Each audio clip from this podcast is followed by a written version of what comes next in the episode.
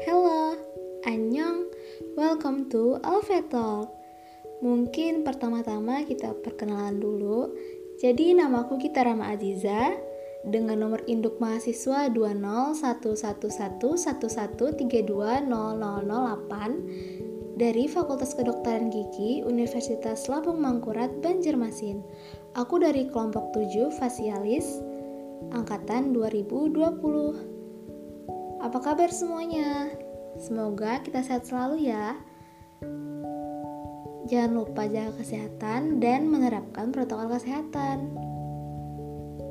Jadi, di podcast hari ini aku mau bahas apa aja sih hal-hal yang dilakuin mahasiswa Fakultas Kedokteran Gigi di masa pandemi COVID-19 ini.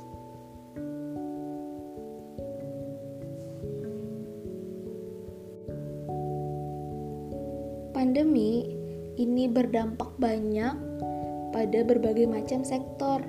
Salah satunya ialah sektor pendidikan.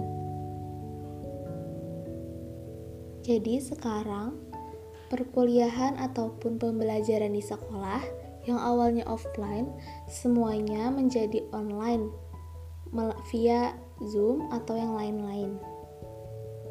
Seperti aku yang pada tahun ini menjadi mahasiswa baru, yang mengikuti kegiatan BKKMB secara online via Zoom dan YouTube. Harapanku sih semoga aja tahun depan kita sudah bisa offline semua ya. Amin.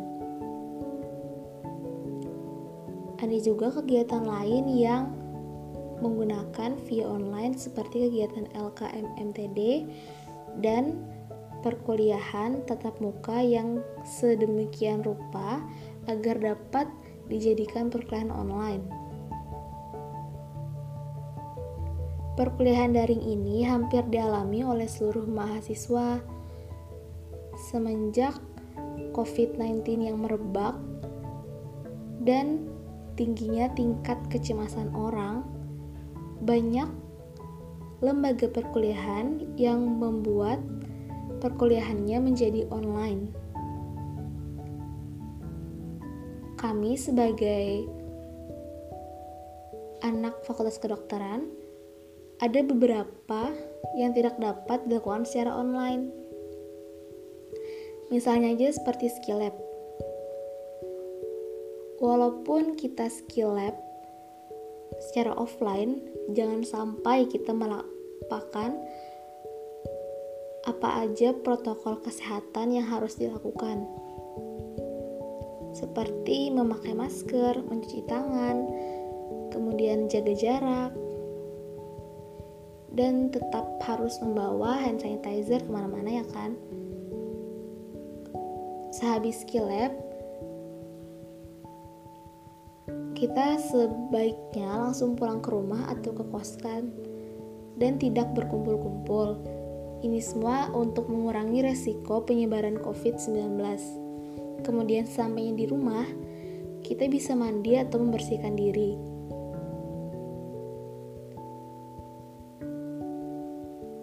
Adapun kita sebagai mahasiswa itu harus aktif dan kritis dalam mendukung program pemerintah. Gunanya ialah untuk mencegah penyebaran COVID-19. Ini juga memberikan pemahaman atau edukasi kepada masyarakat luas berdasarkan data yang disampaikan oleh pemerintah melalui banyak media seperti media televisi, koran, eh, atau laman berita.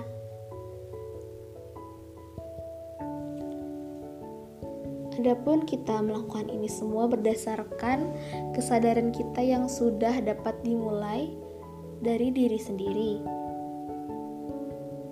Seperti kita dapat mensosialisasikan program pemerintah tentang lima pencegahan COVID-19 yaitu sering cuci tangan pakai sabun, tetap di rumah, jaga jarak dan menghindari kerumunan, tidak berjabat tangan, dan pakai masker bila sakit atau berada di tempat umum.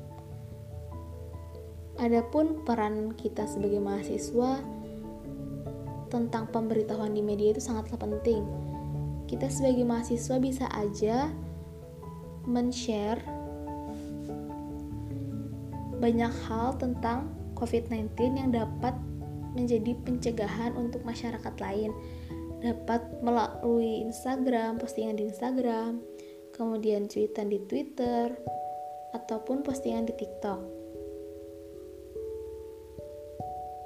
Sebagai mahasiswa, kita memiliki dua fungsi yaitu yang pertama, kita sebagai agen perubahan yang mampu memberitahukan hal penting bagi masyarakat dan mahasiswa sebagai kontrol sosial yang berbicara tentang bagaimana mahasiswa mampu menempatkan diri sebagai kaum tengah yang bisa berada di antara masyarakat dan pemerintah sebagai penyambung lidah rakyat.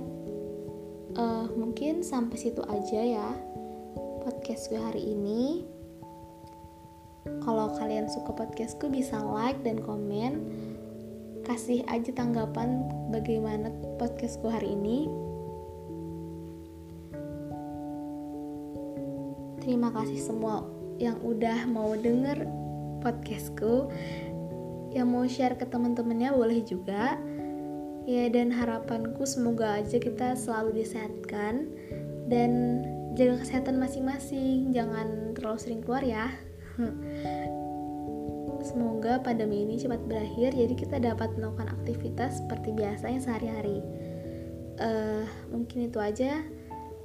See you next time. Bye.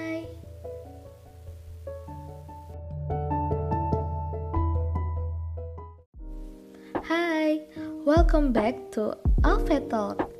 Perkenalkan nama aku Gita Rahma Aziza dengan nomor induk mahasiswa 20 dari Fakultas Kedokteran Gigi Universitas Labang Mangkurat, Banjarmasin. Aku dari kelompok 7 Fasialis, angkatan 2020. Apa kabar semua? Kuharap kita semua sehat selalu ya. Di podcast kali ini aku mau ngebahas tentang tugas-tugas DPM dan BEM. Sewaktu SMA dulu kita mengenal dengan yang namanya OSIS. Nah, jadi waktu kuliah kita kenal kembali yang namanya BEM. Mereka memiliki peran yang sama karena bergerak di bidang yang sama yaitu bidang eksekutif.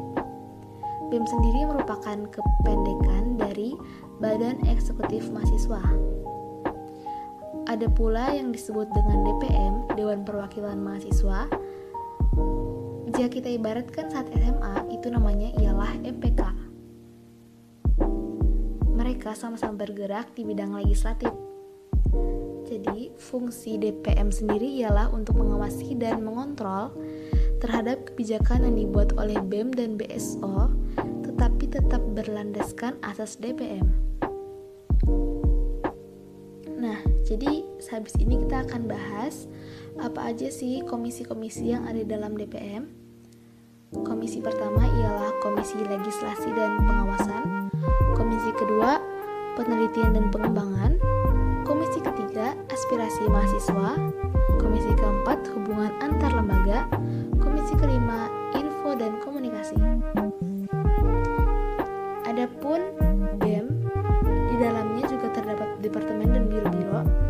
Yang pertama ada departemen interna, yang kedua ada departemen pengembangan sumber daya manusia, yang ketiga ada departemen pengabdian masyarakat, yang keempat ada Departemen Eksterna, yang kelima ada Departemen Kajian Strategi dan Advokasi, dan yang keenam ada Departemen Info dan Komunikasi.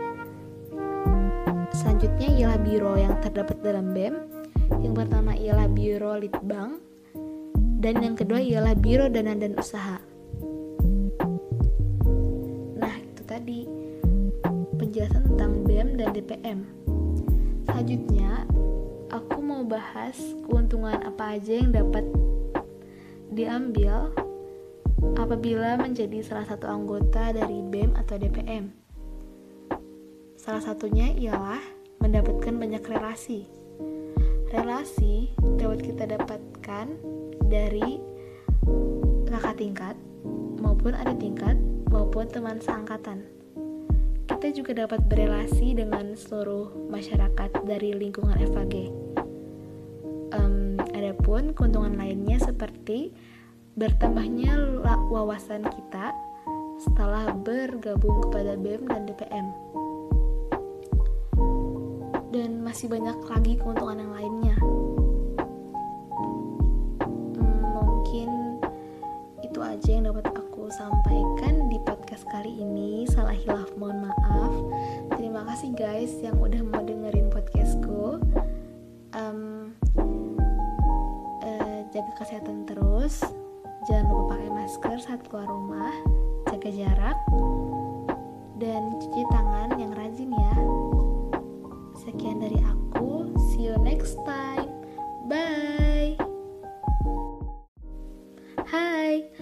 Welcome back to Alpha Talk. Perkenalkan nama aku Gita Rahma dengan nomor induk mahasiswa 20 dari Fakultas Kedokteran Gigi Universitas Labang Mangkurat, Banjarmasin. Aku dari kelompok 7 Fasialis, angkatan 2020. Apa kabar semua? Kuharap kita semua sehat selalu ya. Di podcast kali ini aku mau ngebahas tentang tugas-tugas DPM dan BEM. Sewaktu SMA dulu kita mengenal dengan yang namanya OSIS. Nah, jadi waktu kuliah kita kenal kembali yang namanya BEM. Mereka memiliki peran yang sama karena bergerak di bidang yang sama yaitu bidang eksekutif. BEM sendiri merupakan kependekan dari Badan Eksekutif Mahasiswa. Ada pula yang disebut dengan DPM, Dewan Perwakilan Mahasiswa. Jika kita ibaratkan saat SMA, itu namanya ialah MPK. Mereka sama-sama bergerak di bidang legislatif jadi, fungsi DPM sendiri ialah untuk mengawasi dan mengontrol terhadap kebijakan yang dibuat oleh BEM dan BSO, tetap berlandaskan asas DPM. Nah, jadi sehabis ini kita akan bahas apa aja sih komisi-komisi yang ada dalam DPM. Komisi pertama ialah Komisi Legislasi dan Pengawasan. Komisi kedua, Penelitian dan Pengembangan. Komisi ketiga, aspirasi mahasiswa. Komisi keempat, hubungan antar lembaga. Komisi kelima, info dan komunikasi. Adapun BEM, di dalamnya juga terdapat departemen dan biro-biro. Yang pertama ada departemen interna, yang kedua ada departemen pengembangan sumber daya manusia, yang ketiga ada departemen pengabdian masyarakat, yang keempat ada departemen eksterna, yang kelima ada Departemen Kajian Strategi dan Advokasi. Dan yang keenam ada Departemen Info dan Komunikasi. Ialah biro yang terdapat dalam BEM. Yang pertama ialah Biro Litbang dan yang kedua ialah Biro Dana dan Usaha. Nah, itu tadi penjelasan tentang BEM dan DPM. Selanjutnya, aku mau bahas keuntungan apa aja yang dapat diambil apabila menjadi salah satu anggota dari BEM atau DPM. Salah satunya ialah mendapatkan banyak relasi. Relasi dapat kita dapatkan dari kakak tingkat maupun adik tingkat maupun teman seangkatan kita juga dapat berelasi dengan seluruh masyarakat dari lingkungan FAG. Um, adapun keuntungan lainnya seperti bertambahnya wawasan kita setelah bergabung kepada BEM dan DPM. Dan masih banyak lagi keuntungan yang lainnya. Hmm, mungkin itu aja yang dapat aku sampaikan di podcast kali ini. Salah hilaf mohon maaf. Terima kasih guys yang udah mau dengerin podcastku. Um, uh, jaga kesehatan terus. Jangan lupa pakai masker saat keluar rumah. Jaga jarak dan cuci tangan yang rajin ya. Sekian dari aku, see you next time. Bye.